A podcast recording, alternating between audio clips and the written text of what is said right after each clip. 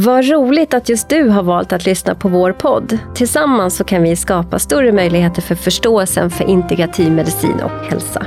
Är du intresserad av det så bli gärna medlem i vår förening och en del utav vårt nätverk. Mer information om det här kommer i slutet av avsnittet.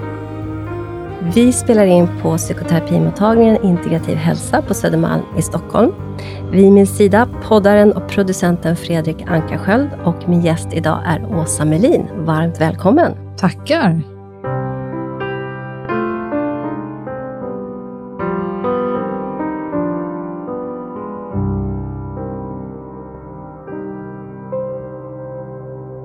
Entreprenör med bakgrund i rese och dryckesbranschen som genom egna utmaningar med klimakteriet blev opinionsbildare inom kvinnohälsa och grundare till Klimakteriepodden. Klimakteriepodden idag har 20 000 lyssningar i veckan. Stämde det? Ja, det går lite upp och ner, men just nu så är det någonstans där. Ja. ja.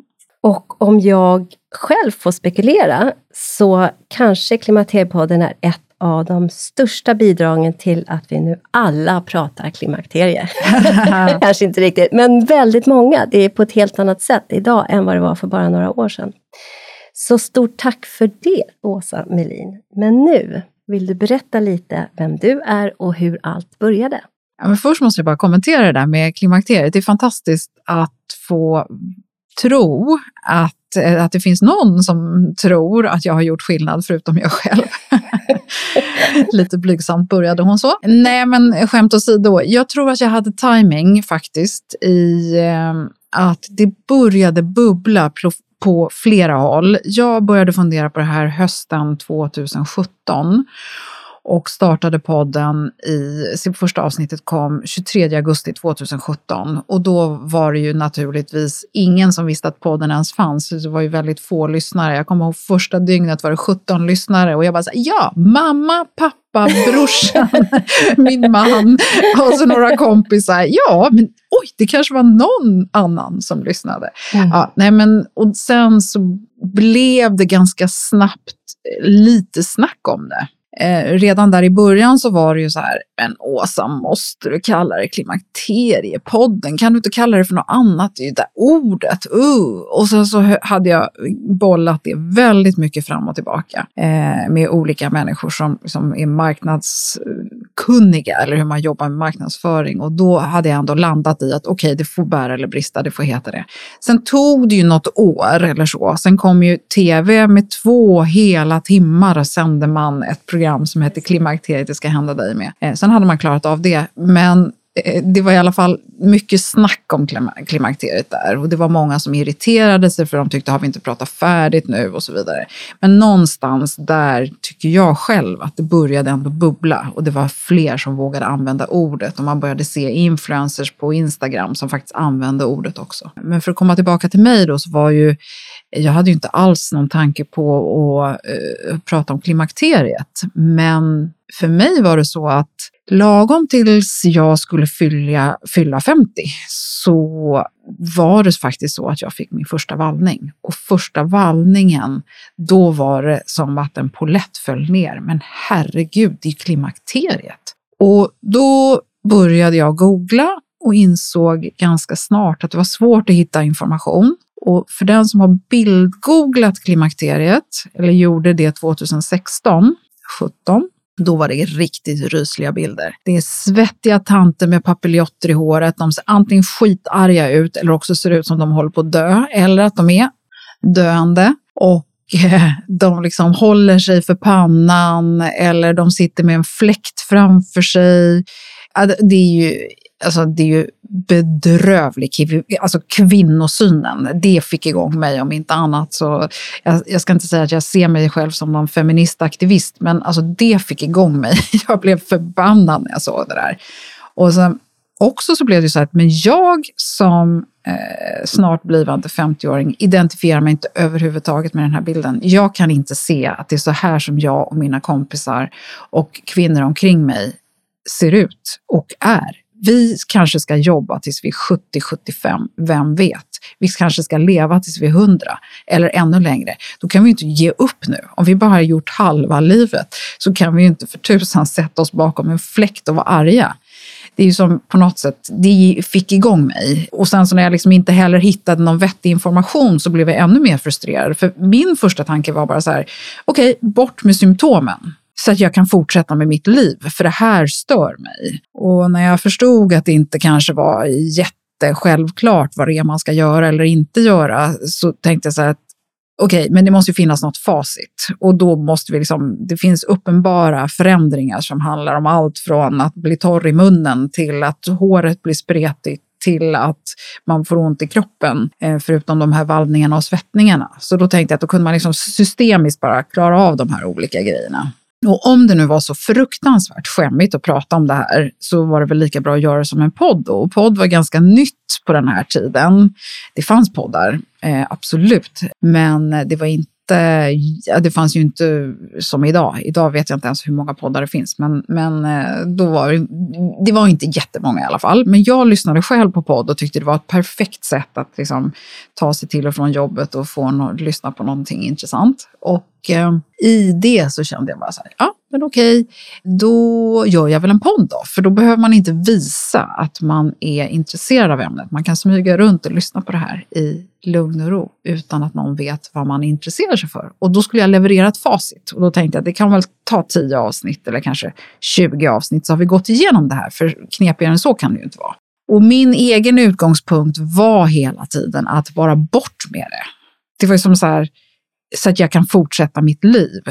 Om vi ska backa bandet ytterligare innan jag hade fattat att jag var i klimakteriet. För mig började symptomen tydligt någonstans runt 46, 47 kanske, när jag ser tillbaka på det. Då hade jag ingen aning. Men då började jag, egentligen så tror jag att nattsvettningarna var det som ställde till det först. Och det var jättetydligt, eh, också inte där för mig då, men att när jag drack alkohol så svettades jag på nätterna. När jag svettades på nätterna så sov jag dåligt och det gjorde mig halvt hysterisk. För jag var, har alltid varit lite sömnfixerad och sett sömnen som liksom, det viktigaste hälsogrej man kan göra för sig själv. Och den andra grejen har alltid varit träning och jag har gillat att springa, jag har gillat att vara i skogen, jag har gillat att vara aktiv. Och eh, det var jättejobbigt. Jag orkade inte. Så att jag slutade väl egentligen röra på mig så som jag hade gjort. Jag var uppjagad och jag hade de här fruktansvärda humörsvängningarna. Så att ena sekunden var jag skitarg, vilket var oftare än jag var jätteledsen. Men det pendlade däremellan och jag hade verkligen inte koll på mig själv. Alltså humöret var fruktansvärt. Och för mig var det ju liksom en del i att jag sov ju inte på nätterna. Och när man inte sover på nätterna så blir det ju en hel rad olika stressfenomen. Så att för mig var det liksom på något sätt, det var sömnens fel att allt var som det var. Och så började jag gå upp i vikt, för vad som händer när man inte sover är ju att inte hungerhormonerna reglerar din hunger och du får sug och så, så får du svängande blodsocker. Eh, så det var ju inte så konstigt att jag började gå upp i vikt när man liksom käkar knäckebrödsmackor på jobbet liksom, i tid och otid och eh, inte orkar röra på sig som förut. Och dessutom kasta i sig ett glas vin varje kväll för att liksom försöka lugna systemet när jag kom hem från jobbet. Och det i sin tur påverkar ju också sömnen. Nu är det många som lyssnar här som kan det här jättebra, så jag behöver ju inte börja prata om de medicinska följderna av mitt beteende. Men Eh, sen hade jag också en arbetssituation som kanske på ytan var helt perfekt. Eh, jag hade ett heltidsuppdrag eh, som konsult inom dryckesbranschen, jobbade jättefritt, eh, reste otroligt mycket och hade egentligen inte några krav på mig på eh, liksom kontorstid och sådär. Så att jag hade rätt så fritt på det sättet. Men när man är en liten duktig flicka och inte får bekräftelse från en chef eller någon annan som liksom på något sätt bara släppte mig för mycket så blev det som att ingenting var ju bra nog. Så att jag bara sprang och sprang och sprang på alla ställen. Så att jag är ju idag egentligen otroligt glad för att klimakteriet gjorde intåg i mitt liv. Det fick mig att vara tvungen att titta på saker på ett nytt sätt. Men som sagt, det initiala var ju bara att få bort skiten så jag kan fortsätta med det jag har hållit på med. Precis, vi vill inte förändras. Nej. Men vi vill förändras. Det, ja, men det förstår vi först efteråt, att, vi faktiskt, att den här förändringen var väldigt, väldigt bra. Men där och då så vill vi inte det. för vilken utveckling. Jag vet inte vilken utveckling du har haft tidigare i livet, men för mig då som har följt Klimakteriepodden och som också gav mig personligen väldigt mycket när jag blev sjuk i hypotyreos och fick problem med ett hormonkaos, så var ju det en guldgruva att börja ösa ur. Den var fantastisk och den, det, eftersom du har så pass många lyssnare så är det ju många med mig som som tänker så och har upplevt det. Ja, för det som hände ganska snabbt var ju att jag insåg att här kommer ju inte 10-20 avsnitt räcka. För det här blev ju, alltså dels så väcktes min egen nyfikenhet och dels så fick jag sån respons ganska snabbt ändå. Och många kvinnor som liksom verkligen kom och, och berömde mig. Du vågar göra det här. Inte så mycket mina egna nära vänner, för där var det fortfarande ganska så här, ah, Gud, jag vet flera som pratar liksom bakom ryggen på mig, som säger varför håller hon på med det där? Och Åh, det där och Åh, jag är inte där än. Och det var så här väldigt, eh, där tyckte jag egentligen så, så här, jag är väldigt besviken också på att det var många som inte det var väldigt svårt att få folk att dela i sina egna kanaler och sådär. Så jag faktum är att det gjorde mig besviken att inte ens liksom de närmaste ville stötta mig riktigt i det där. För det var på något sätt som att man ville inte visa att man hade ett intresse för det här ämnet. Och istället för att liksom låtsas att jag inte är intresserad men min kompis gör någonting som kanske är intressant. Så det föll väl lite för nära för många av dem. Liksom. Och det, det var väl det som gjorde att man inte då ville kanske låtsas eller befatta sig mer överhuvudtaget. Nej, men det är ju det här med klimakteriet, att inte att inte vilja prata om det för att det är skambelagt. Liksom. Att det, mm. Och då, varför ska du hålla på och outa det där ordet som bara väcker liksom, mm. jobbiga sensationer i, i mig? Eller att ja, om jag delar den här så kanske man tror att jag också är där. och så här, Precis det du säger. Mm. Att det, men eh, som jag tänker att du, du har liksom varit en stor bidragande orsak till ett, det vi faktiskt befinner oss i just nu, ett paradigmskifte i hur vi ser på det här med klimakteriet. Och där jag då får en, liksom en fantasi om att du, du är en person som inte har så svårt att umgås med skam. Det vet jag faktiskt inte eh, om jag ska säga att jag har eller inte. Men jag kan väl säga så här att jag är egentligen en person som inte bryr mig jättemycket om vad andra tycker och tänker Nej. om mig. För att jag är men jag är som jag är och jag har också en förmåga att förändras så att jag kan också ta till mig nya intryck och jag kan bli en annan människa och jag kan välja att berätta det eller jag kan välja att hålla det för mig själv. Eh, men jag tror att jag är ganska trygg i mig själv och jag har alltid haft eh, jag vet inte, egentligen har jag nog bättre självförtroende än självkänsla. Men jag är ju som, när jag började med det här och de närmaste kanske inte alla hejade på. Det var många som tyckte jag var modig och tyckte så här, eh, ja men det är typiskt dig att du gör något sånt här. Det är alltid, du är alltid så, du är si och du är så. Eh, du vet, det här klassiska. Jaha, så ska man få det kastat i ansiktet igen, liksom, att du är si och du är så. Men i alla fall så var det så många andra som så fort gav mig folk som jag inte kände men som kom till mig och människor som jag mötte genom mina intervjuer i podden. För att från början så var det så här att jag kunde ju ingenting om det här och jag skulle inte överhuvudtaget låtsas det och gör fortfarande inte i podden att jag sprider någon kunskap. För jag är inte den som kan dela. Jag kan bara dela min egen historia och den, det har jag gjort i podden. Men det är inte 200 avsnitt, utan det är ju liksom ett, en liten parentes. Det finns så många olika andra personliga berättelser som är intressanta att ta del av, men framför allt så vill jag lyfta personer som kan någonting, som kan tillföra lyssnaren ge dem en liten pusselbit i att själva komma vidare och att själva lösa sina utmaningar eller kanske våga ta tag i sina symptom eller att förstå att man är normal. Man behöver inte göra någonting, man behöver inte agera. Det är inte det jag försöker med podden. Jag vill skapa en känsla av samhörighet och kunskap och få kvinnor att känna sig liksom inte som små eh, hysteriska eh, gråa tanter med en, liksom, som måste gå och gömma sig bara för att man hamnar i klimakteriet, utan tvärtom. Jag vill ju att det här ska vara en styrkande... Jag menar inte att perioden ska vara så fantastisk, den behöver inte vara någonting, men att man ska i alla fall inte komma ur den i sämre skick än man gick in i den. Man, mm. sen, sen, kan jag ju bli oerhört frustrerad nu när jag har hållit på med det här. Nu eh, så är ju ja, jag fyller 56 i år, så att jag är ju på en helt annan plats, eh, både mentalt och fysiskt, än vad jag var när jag startade podden 2017. Men jag är ju egentligen bara samma människa ändå, men det jag kan ibland känna är väl att det här att äh, Men alltså det där med klimakteriet, krävdes det verkligen så här mycket? Har det verkligen varit nödvändigt? Egentligen så sa vi väl det mesta ganska tidigt och det som väl har, har gjort att podden ändå har levt, förutom intresset och förutom den stora liksom, lyssnarskaran, så har det ju också varit så att dels så kan samma sak sägas på olika sätt och eh, man kan behöva höra det från flera håll innan man förstår eller kan applicera det på sig själv eller ta till sig av det.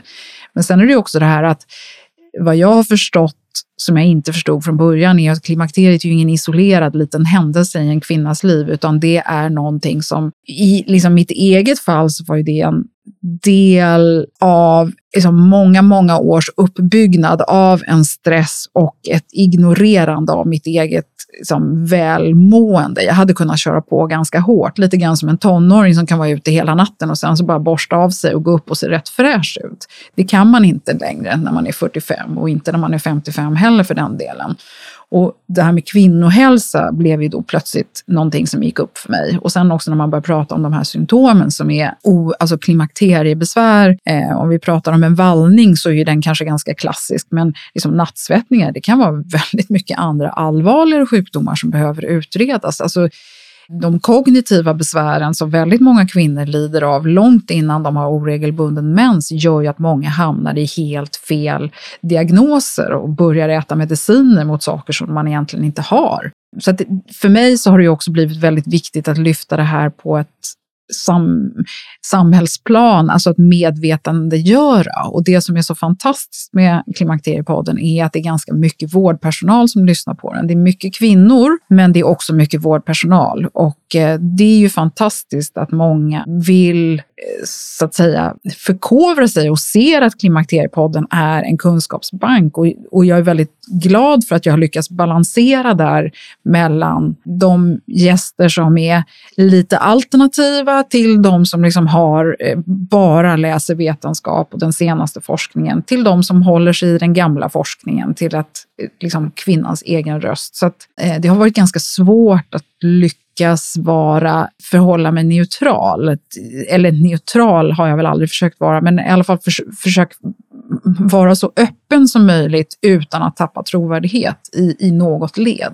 Mm, jag förstår det. Och jag har ju lyssnat jättemycket på din podd.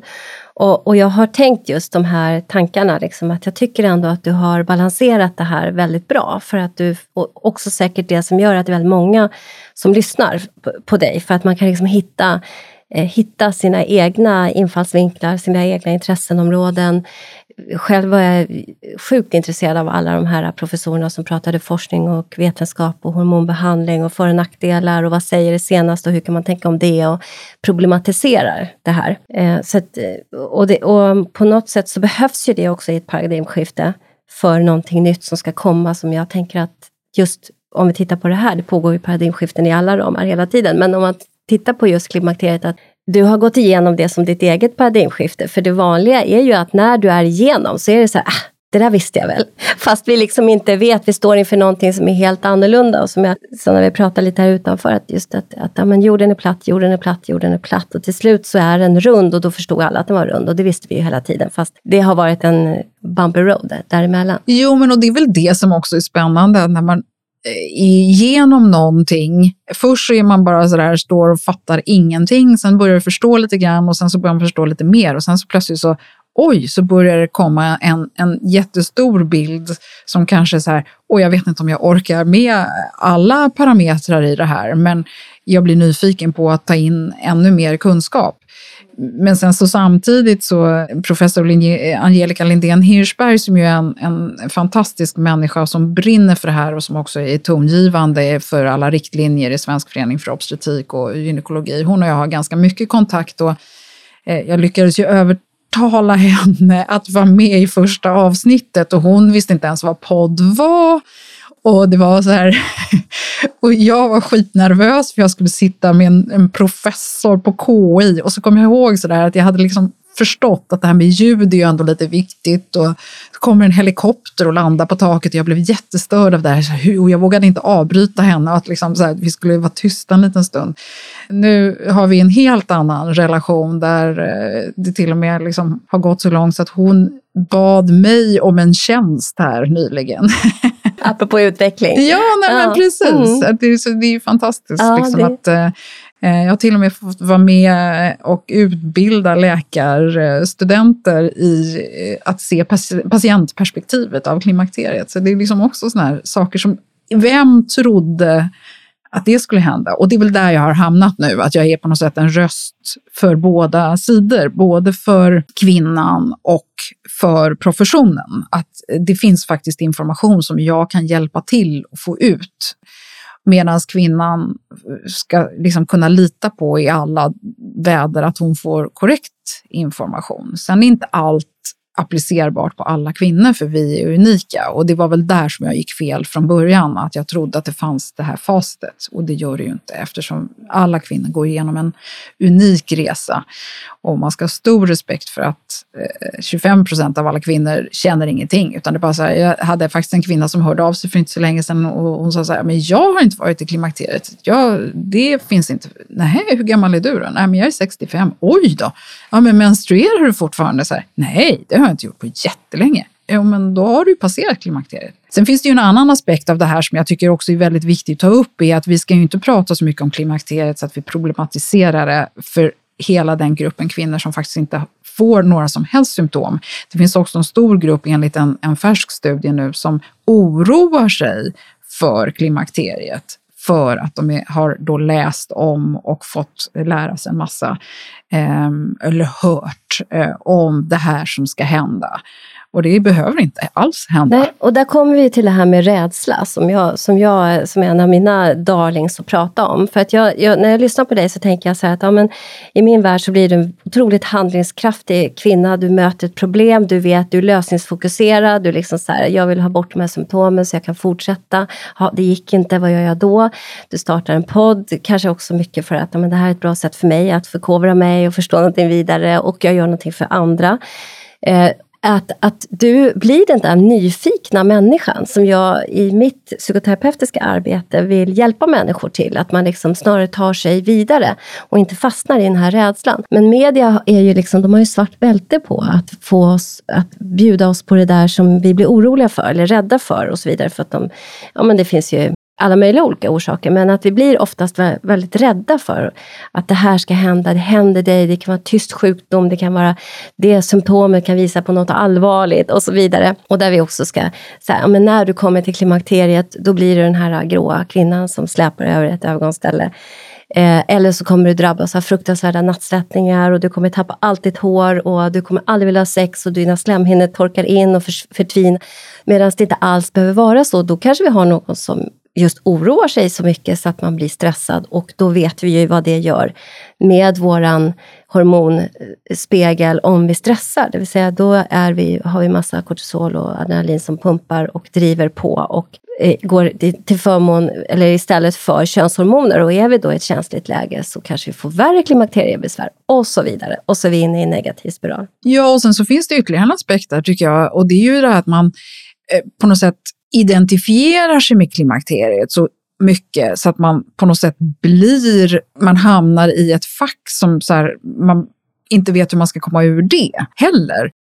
Det finns ju en del grupper på nätet som liksom grottar så mycket i det här.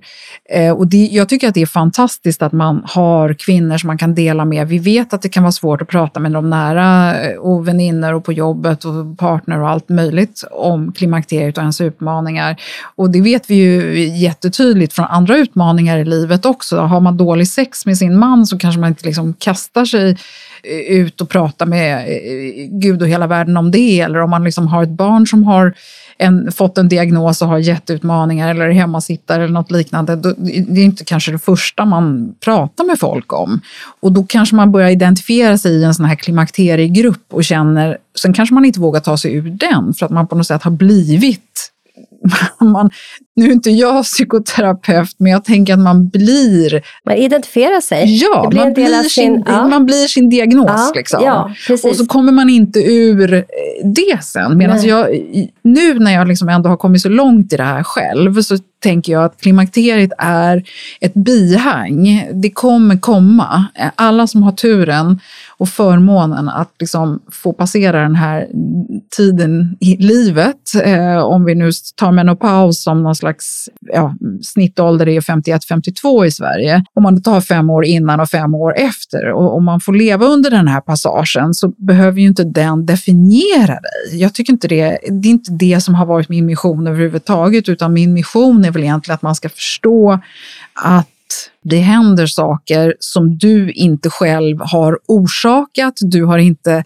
gjort saker som du ska straffa dig själv för. Du har inte så att säga, förtjänat någonting på grund av... Alltså, Men, och du är inte förbrukad och nej, du är inte slut och livet inte. är inte nej, över. Nej, nej, nej, nej, för det har ju varit en av mina absolut stora mm. grejer. Att liksom, jag försöker inte lyfta fram mig själv i podden överhuvudtaget och i mina sociala medier så tonar jag nu i alla fall ner mig själv mer och mer. Men, men det är ändå så här att jag har haft en stor ambition av att ändå vara en förebild som inte på något sätt... Det betyder inte att jag är en perfekt människa, för det är absolut inte vad nu den perfekta människan är, det vet jag inte heller.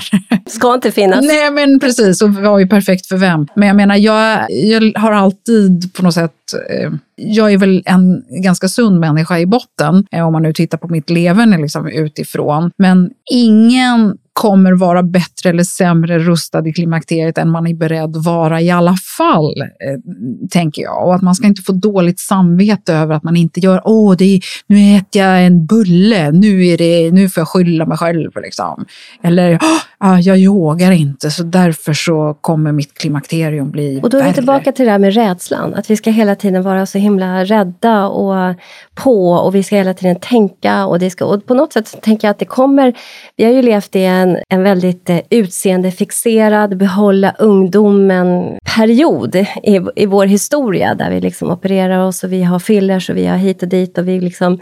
Vi vill inte fortsätta utvecklas och det jag tyckte var så fint det du sa, att vi som får vara med om menopaus, att man faktiskt får leva så länge. För att det, liksom, alternativet är ju inte det vi önskar oss, att vi inte får vara med, utan att vi är döda. Utan det pågår ju förändringar i våra kroppar, både män och kvinnor, hela tiden. Och, det, och, och att vi få vara med det. För att jag tänker det är precis som vi pratar om när vi går in i puberteten att ja, men hon är lite pubertal och så, så kan man tänka lite olika saker kring det. Eller han är pubertal. Eh, och så kan man stötta det individuella behovet av vad det nu kan vara. Samma sak är det med klimakteriet. Vad skulle vi kalla det för? Vi är lite klimaterial.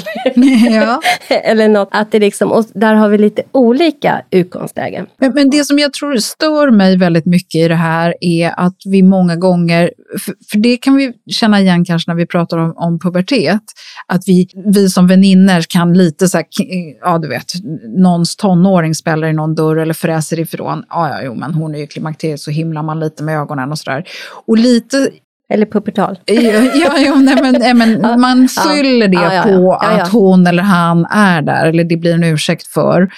Och då tänker jag att jag vill ju inte att klimakteriet, egentligen vill inte jag att klimakteriet ska hamna i det facket. Att vi ska vare sig göra oss roliga på, skylla på eller liksom, jag vill inte att klimakteriet egentligen ska vara någonting annat än en period som var och en får gå igenom precis på det sätt man vill och alla omkring alla människor på hela jorden ska förstå att det här är en naturlig fas och den tar man sig an precis hur tusan man vill. Och man ska veta var, var lösningarna kan vara. Man ska veta, liksom, ha den här verktygslådan som någon annan, till exempel Klimakteriepodden eller en psykoterapeut eller inte vet jag, presenterar för en och att man ska kunna plocka ur det här och att man ska säga, ja ah, men det här funkar för mig, det här kan jag applicera på mig, här är lågt hängande frukt, eh, jag testar den, eh, istället för att bara rusa på och låtsas som att det inte pågår. För jag tror att det är det som är, är en av, förutom den här ungdomsfixeringen som vi har i vårt samhälle, så har vi också en, en tendens i att inte ha tid med någonting. Det är liksom nästan coolt att vara upptagen. Eh, om man säger så här, ja, jag vet att det är kort, kort varsel, men skulle vi kunna ses om två veckor? alltså, det är ju inte klokt att vi ens har hamnat i det. Nej. Och jag, där håller jag helt med dig. För det var lite det jag ville liksom på något sätt säga. Så här, för det går ju inte, alltså människor kan ju, om man hamnar i olika symptom på grund av olika utmaningar, eh, så kan det ju vara hemskt och också allvarligt. Vi, att till exempel om man, som jag har hört i olika avsnitt eh, utav Klimakteriepodden, när man pratar om hjärt-kärlsjukdomar, att det inte är bra att gå med för allvarliga vallningar, till exempel. För mig själv, när jag fick min hypotyreos och sen gick in i ett för tidigt klimakterium och verkligen körde in i väggen i 200 knipp, knipp eller vad nu min gynekolog eh, sa, så var det ju liksom, jag höll på att svimma när jag mm. fick de där vallningarna på riktigt. För att hjärtat slog så hårt. Och så här. Det, var, det var liksom, eh, jag hade, hade inte den hjälp funnits utav läkemedel, hormoner som det gör idag, så vet inte jag. Det, det, var, det var liksom en allvarlig situation. Men jag var ju också sjuk i en alldeles för långt gången obehandlad hypotyreos, vilket var ju en, kanske orsaken till att det här hände. Eh, så så att, eh, det är inte att man liksom så här, ah, det är något enkelt, det är inte det jag vill säga, utan att man behöver liksom hjälp för olika, det man behöver hjälp för sina symptom. Men att ändå få vara någonting naturligt. Och att det är fint att vi får vara, alltså att vi får vara med om det, för det är en del utav vårt liv som kvinnor. Nej, men och det jag tycker är oerhört viktigt att belysa, det är ju just det att Eh, man ska inte gå runt med en massa symptom och inte veta vad de beror på. För att liksom komma tillbaka till början där, det är oerhört viktigt att lyfta det här och att vården är vaksamma och att vi kvinnor själva är vaksamma. Och däremot så ska det ju inte bli en stor slasktratt eller att allt ska gå att skylla på klimakteriet. Men det finns hjälp att få. Har man, är det tydliga klimakteriebesvär som, som, som sätter ner din livskvalitet, då finns det oerhört bra forskning som tyder på att det är oerhört mycket bättre alla dagar i veckan för Mm. väldigt många kvinnor att få en skonsam, vilket det finns idag, hormonbehandling under ett antal år för att inte gå med, med de här. Alltså utebliven sömn har oerhörda konsekvenser eh, och de här vallningarna kan absolut vara farliga. Många kvinnor är livrädda för att somna ens för de får hjärtklappning eller vaknar av hjärtklappning. Alltså det, det är sådana här saker som, nej men vi behöver inte gå med det. Det, det finns ingen som kommer ge dig någon medalj för att du har lidit genom klimakteriet. Det är ungefär som de här dumheterna med att man till varje pris ska föda utan eh, smärtlindring. Alltså varför ska vi... Det är ungefär som att någon skulle säga så här, jag, jag, jag, ska, jag har brutit benet men jag vill inte ha något gips för jag ska minsann... Låt här självläka. Jag ska binda mm. ihop det här med en pinne mm. från skogen. Mm.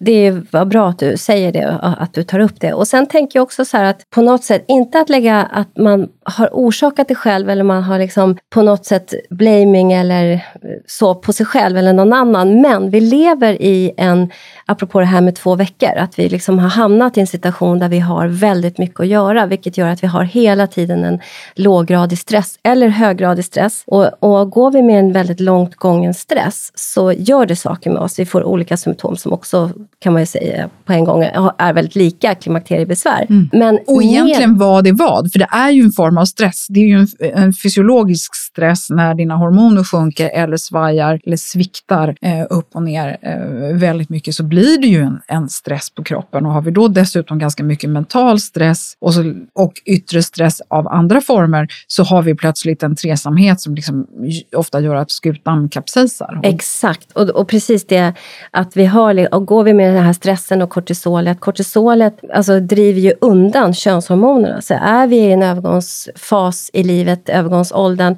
så kommer vi då i sådana fall kanske få värre klimakteriebesvär på grund utav att vi har levt i en stress, vi har ett jobb, vi har en situation hemma, vi har vad det nu kan vara för någonting om vi har den här stressen, vilket väldigt många har. Det, det, vet vi ju att stress är ju liksom en folksjukdom idag för att vi har liksom skapat ett sånt samhälle där vi har så mycket stimuli av olika input, vi har höga belastningar vad det gäller ja, men att driva det här samhället som vi har skapat tillsammans. Mm. Och då tycker jag att om vi då har gjort det, vi har varit med på den här resan, vi gör vårt bidrag till samhällskroppen och, och så vidare och kanske då får betala för att vi har varit stressade, väldigt, väldigt mycket stressade i livet och får ett värre klimakterium på grund av det. Varför ska vi inte då få den hjälp som finns? Nej men absolut, alla dagar i veckan. Eh, en annan grupp som jag tycker också är viktigt att belysa där, det är ju den gruppen kvinnor som kanske har slitit ut sig innan klimakteriet, som redan har hamnat i en ganska jobbig eh, position där man kanske redan har blivit sjukskriven för utmattning, man kanske redan har en depression med sig in i det här och du kan lida av en enorm stress av att du är sjukskriven. Du kan lida av en stress för att du inte är med i hela det här racet heller. Så att att stress är ju en, en folksjukdom på riktigt. Inte bara för de som så att säga springer som dårar utan även för de som inte har någonstans att springa överhuvudtaget. Så är det och den dödar. ja. på sikt. Ja. Och därav också att eh, de här symptomen som vi kan se, att det är ju viktigt, det har vi sagt flera gånger och du har sagt det så tydligt, att man behöver ju söka för de kan vara många olika saker. Men eh, innan vårt paradigmskifte som jag tänka att vi är i kring klimakteriet, så precis som du sa i början, så får ju har kvinnor, och det händer fortfarande, får felaktiga diagnoser och mm. står på läkemedel. Som mm. Jag tänker att det är ja, men vad som helst egentligen, att de får en felaktig behandling. Mm. Jag som psykoterapeut, jag har gjort det lite till min, min, mitt sätt att jobba, att jag jobbar integrativt kropp och knopp och har ju ett samarbete med Dr. Cecilia Tibell på Integrativa kliniken till exempel, som tar blodprover på mina patienter, där, där vi gör en gemensam bedömning att det, att det behövs. Därför att man kan inte, om jag har en kvinna i klimakteriet, och det har jag säkert haft innan jag fick den här kunskapen, eh, som går väldigt länge med uttalad nedstämdhet, utmattning, depression, vilket då, när man inte heller blir hjälpt i psykoterapi, vilket man inte blir på det sättet om det är också andra orsaker. Jag vet, jag började jobba i början på 90-talet inom psykiatrin. Vi kollade alla patienter om de hade sköldkörtelproblematik. Det tror jag att man gör fortfarande om man tittar på B-vitaminer och så vidare. Men, men könshormoner tittar man inte på. Det, gör ju, alltså det ger ju de här symptomen. Så att, och då om en kvinna har eh, sviktande könshormoner och en nedstämdhet och säkert andra saker, vilket, eftersom det alltid är en komplex situation, kan få en hormonbehandling och på två, tre veckor må kanske till och med helt bra. Mm. Det är inte etiskt försvarbart. Nej, samtidigt som vi kan ju inte sätta alla kvinnor på hormoner bara för att testa heller. För det handlar ju inte om... Jag tycker att det är viktigt att man också att man kommer ihåg att klimakteriet inte är en sjukdom. Det kan föra med sig en rad symptom och de här symptomen kan vara så pass allvarliga så att de i sin tur skapar sjukdom. Eller det kan vara så allvarliga symptom så att de skapar eh, en störd livskvalitet och det, då ska man ha hjälp för det. Men jag tycker också att det är viktigt att vi, vi liksom respekterar att inte medikalisera samhället. Och en grupp som ofta glöms bort i det här, som känner sig oerhört förfördelade, är ju gruppen kvinnor som har haft bröstcancer.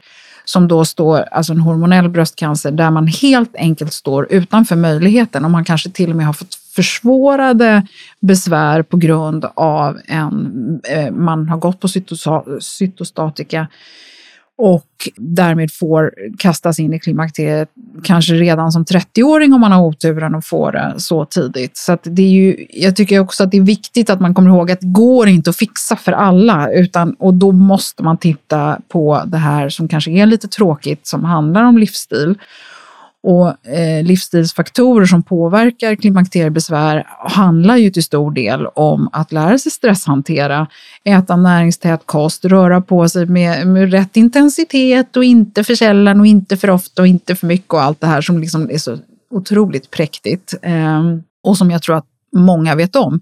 Men det som jag har förstått är att det är jättemånga som inte heller vet vad hälsa är överhuvudtaget. Man vet inte vad som är bra eller dåligt för en. Och det är ganska skrämmande att vi har kommit så långt så att vi inte ens vet vad som är bra mat. Om någon säger till mig så här, vad är näringstät icke hårt processad mat, då vet jag exakt vad det är. Men det finns jättemånga som inte har en aning om vad jag pratar om nu. Ja, så är det. Så ger vi inte rätt bränsle till den här stackars utarmade kroppen så spelar det ingen roll heller vad du kastar in för hormoner eller mediciner. Det kommer inte falla i god jord, utan du behöver verkligen se till att för att en eh, bördig jord eh, kan, kan gro, men en utarmad torr jord, den kommer in, det kommer inte bli bra med någonting. Man måste ta ansvar för att man är människa och man måste kanske backa bandet och fundera på hur man har levt sitt liv upp till nu och fundera på vad är det som faktiskt har skapat förutsättningarna för ett bra,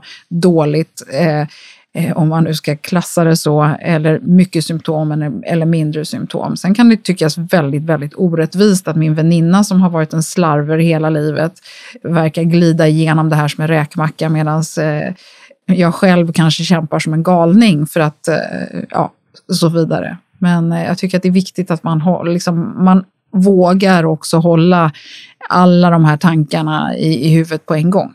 Ja, verkligen. Och du, sätter, du, du sorterar ju fantastiskt bra, för det är precis så. Och jättebra att du säger det. Men att det finns olika hjälp och det finns olika utgångslägen och vi lider olika mycket. Vissa inte alls, andra jättemycket. Och att det finns den här komplexiteten. Och i komplexiteten, och det jag tycker att du har gjort så bra i din podd, det är att man får dels input med olika, du har ju vidgat, du har olika perspektiv. Man får nycklar, man får förslag, man, får, man kan pröva, man kan känna igen sig i vissa eh, faser, i andra faser på ett annat sätt. Och, och där blir det liksom som ett dukat smörgåsbord för att börja liksom, vässa sin nyfikenhet. Vad passar mig? Just nu, för det mm. förändrar sig. Sen kan det vara något annat som passar bättre. Jo, men så är det verkligen och, och, och, många blir frustrerade av, men det finns så många avsnitt och då brukar jag alltid försöka säga, men använd hemsidan, för då kan man liksom sortera dem. Men i de här poddapparna är det nästan omöjligt att försöka sortera vad som är vad och vad man, att lyssna på det man är intresserad av. Det finns ju liksom inga sökfunktioner där.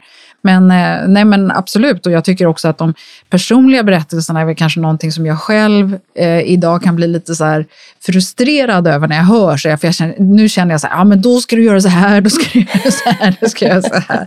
Att jag liksom har lite tappat kanske tålamodet också för de här kvinnorna som liksom vägrar göra någon form av förändring så fort man säger så här, men gå inte in och peta i hur jag lever eller vad jag äter eller vad jag liksom hur jag har min dygnsrytm, för då blir jag förbannad. Nej, men alltså att man inte är beredd att göra några uppoffringar, tänker jag. Eller det man tror är uppoffringar. Men liksom att, att hälsa är ju ändå det är ingenting som kommer gratis, utan hälsa är ju någonting som vi också ska ha med oss långt in i livet. För jag tänker ju så här att jag tänker ju bli 90 år i alla fall och då vill inte jag vara 90 år och vara vrak, utan då vill jag vara 90 år och pigg. Annars mm. kan det lika gärna vara. Mm, jag vill kunna klara mig själv, jag vill ha, vara så klar som jag kan i huvudet och kunna röra mig och så vidare. Sen kanske jag inte kommer mer än utanför dörren här, men, men intentionen, jag, jag, förstår Inte, verkligen ja. intentionen och på något och sätt. det måste vi bädda för nu, för mm. att gör vi inte det nu, om vi mm. bara fortsätter, om vi har varit slarvrar, så måste vi börja fundera på det. Mm. Och sen så behöver man inte vara någon renlevnadsmänniska. Jag är väldigt mycket för det här 80-20, men mm. liksom, det går inte att vara...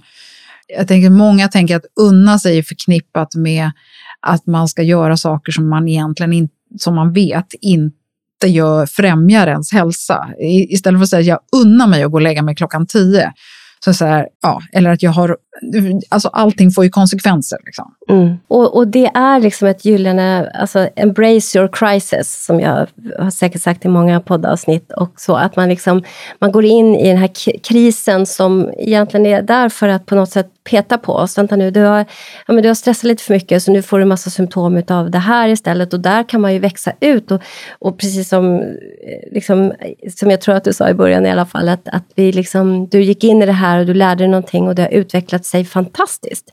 Du har lärt mycket, du kanske har liksom fått massa nycklar själv som har gjort att du är någon helt annanstans nu än vad du hade varit om du inte hade startat den här podden. Ja, jag vet ju inte, för det går ju tyvärr inte att titta på vem jag hade varit eh, annars. Men initialt så hade jag ju, jag hade ju kvar mitt gamla jobb i ett och ett halvt år och poddade eh, samtidigt. Men sen så blev det ju så pass stort och det blev ju så intressant och jag började få uppdrag runt omkring, vilket också gjorde att jag Eh, dels är ju Klimakteriepodden finansierad genom reklam och mina samarbeten och utan dem hade det varit helt omöjligt.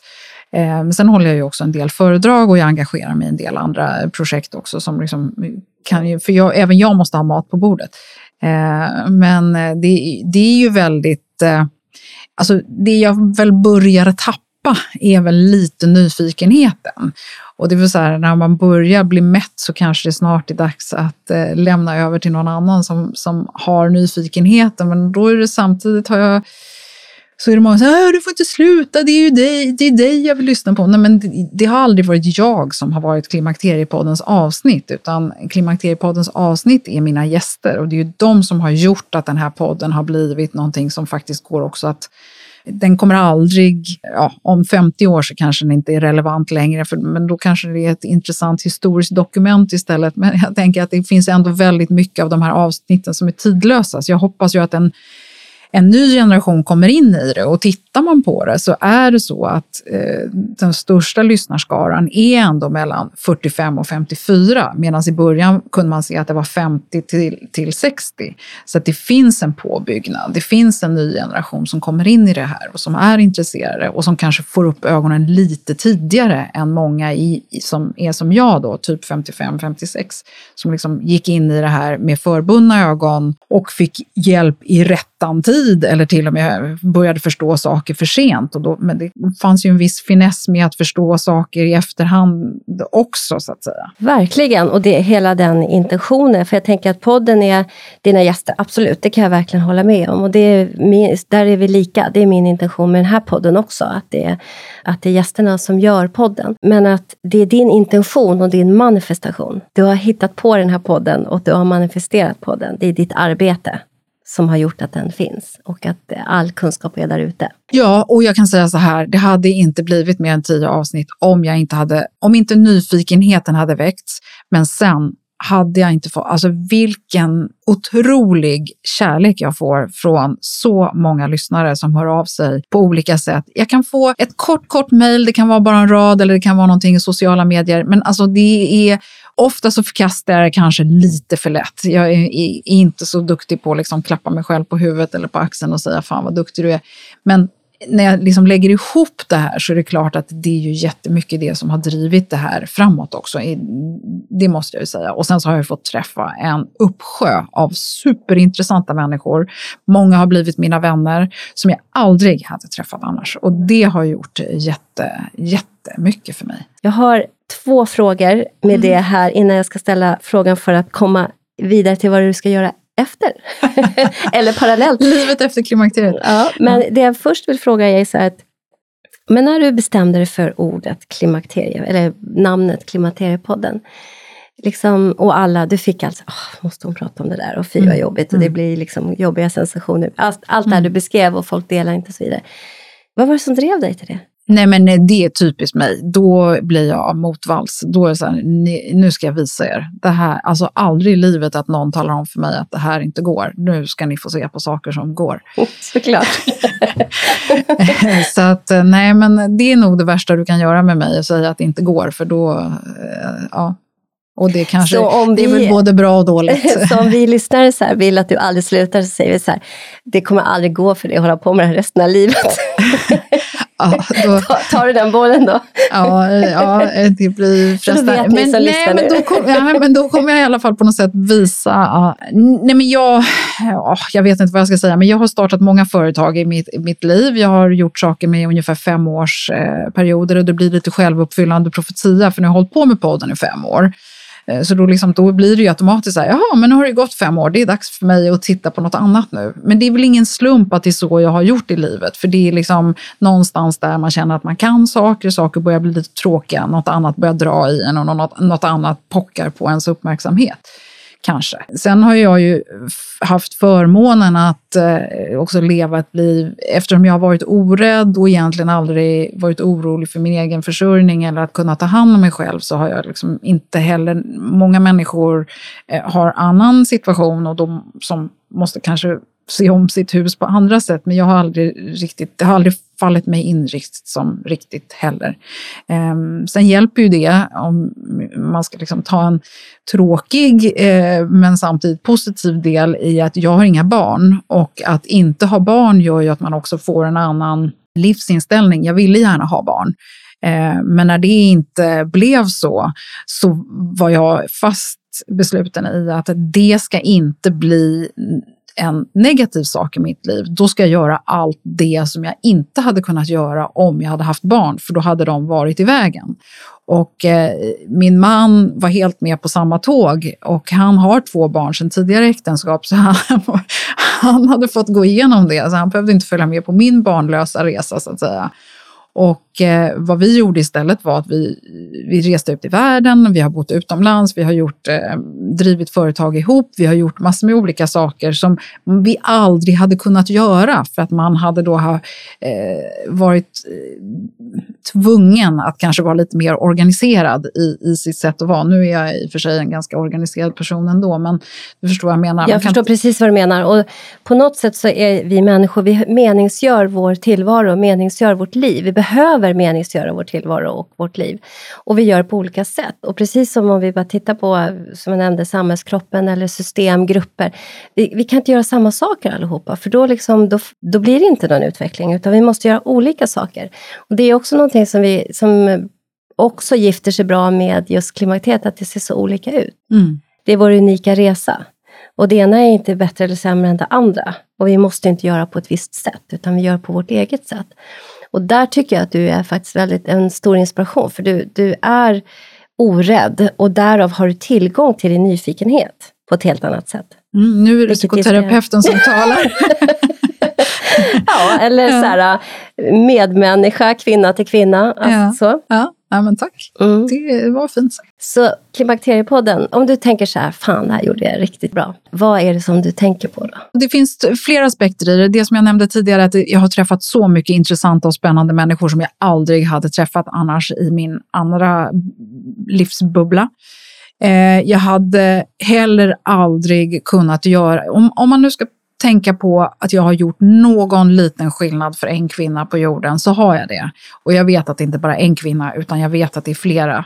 Många. Och det är, om man nu inte lyckas sätta barn till jorden och det var därför som man var ämnad att vara här från, överhuvudtaget så har jag i alla fall gjort en skillnad på ett annat sätt. Jag har gjort eh, skillnad för andra människor, jag har hjälpt andra människor. Och det Eh, inte så någonting som jag sitter och funderar på särskilt ofta, men eh, på, på frågan och eh, när jag ibland kan känna så här, äh, nu har jag gjort det här, jag kan det här, nu är det dags för nästa. Då kan jag också känna att jo, men jag kanske får vara nöjd med det jag har åstadkommit, även om det finns mer att säga. Ja, du ska vara fantastiskt nöjd.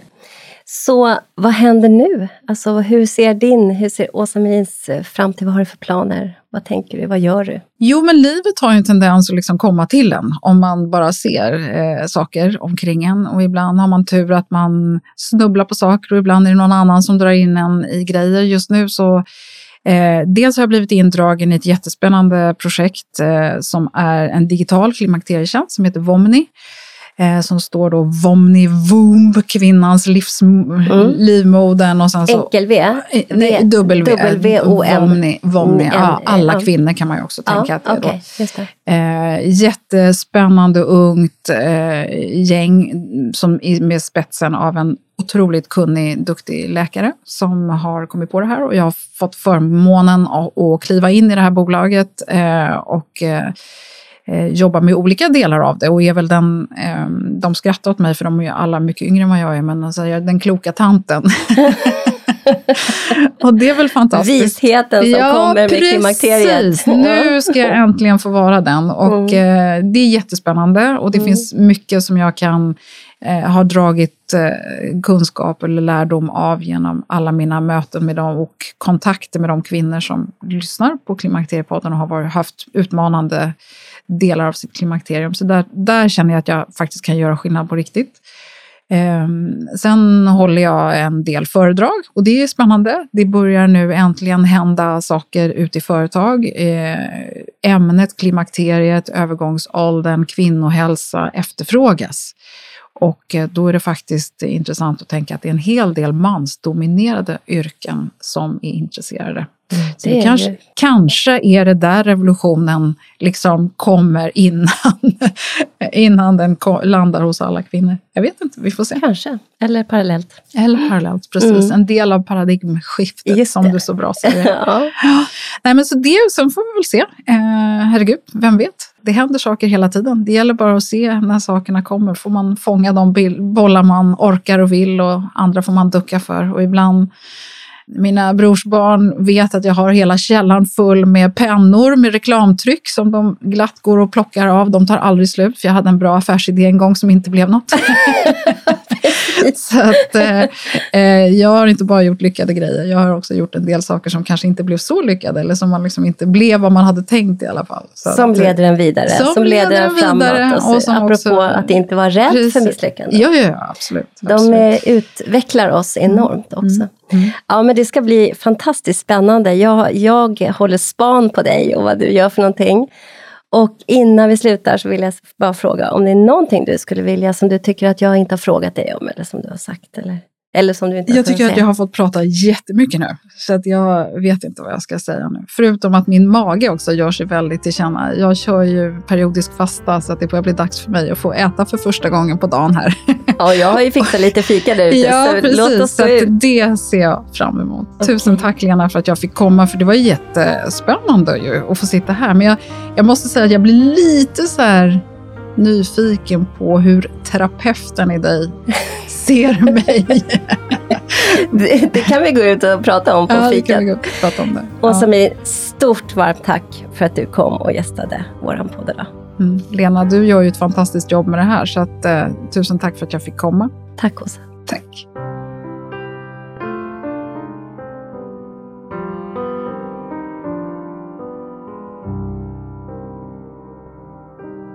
Både och istället för antingen eller en podd om integrativ medicin och hälsa är skapad och drivs av Svensk förening för integrativ medicin och hälsa, FIM. FIM är ursprungligen en yrkesförening för legitimerad vårdpersonal. Vi representerar sjuksköterskor, dietister, fysioterapeuter, läkare, psykoterapeuter, psykologer, tandläkare för att nämna några. Idag omfattas våra medlemmar även av associerade medlemmar som inte behöver vara legitimerade. Föreningens arbete vilar mot den vetenskapliga grund för integrativ medicin och hälsa som finns, såväl svensk som internationell och på systemisk förståelse av människan i sin miljö. Vår förenings arbetssätt har hittills varit att arrangera konferenser, seminarier och folkbilda genom att sprida information, exempelvis via sociala medier. Vår strävan inom integrativ medicin är att vara en organisation som vågar lyfta och ifrågasätta, motverka polariseringar genom tvärvetenskapliga dialoger och sokratiska samtalsregler. Vi vill kartlägga forskning som bedrivs, även internationellt, och hålla koll på aktuella forskningsresultat om behandlingsmetoder, både vad det gäller den etablerade vården liksom den vård som bedrivs utanför den etablerade vården. Sokratiska samtalsregler innefattas i den sokratiska samtalsformen som egentligen all grundläggande kunskap är sprungen ur, men som ibland till och med lyser med sin frånvaro i dagens public service. Så bli gärna medlem hos oss, för tillsammans kan vi förändra. Och hur du blir medlem hittar du via vår hemsida integrativ-medicin.se. Vi ses och hörs i nästa avsnitt.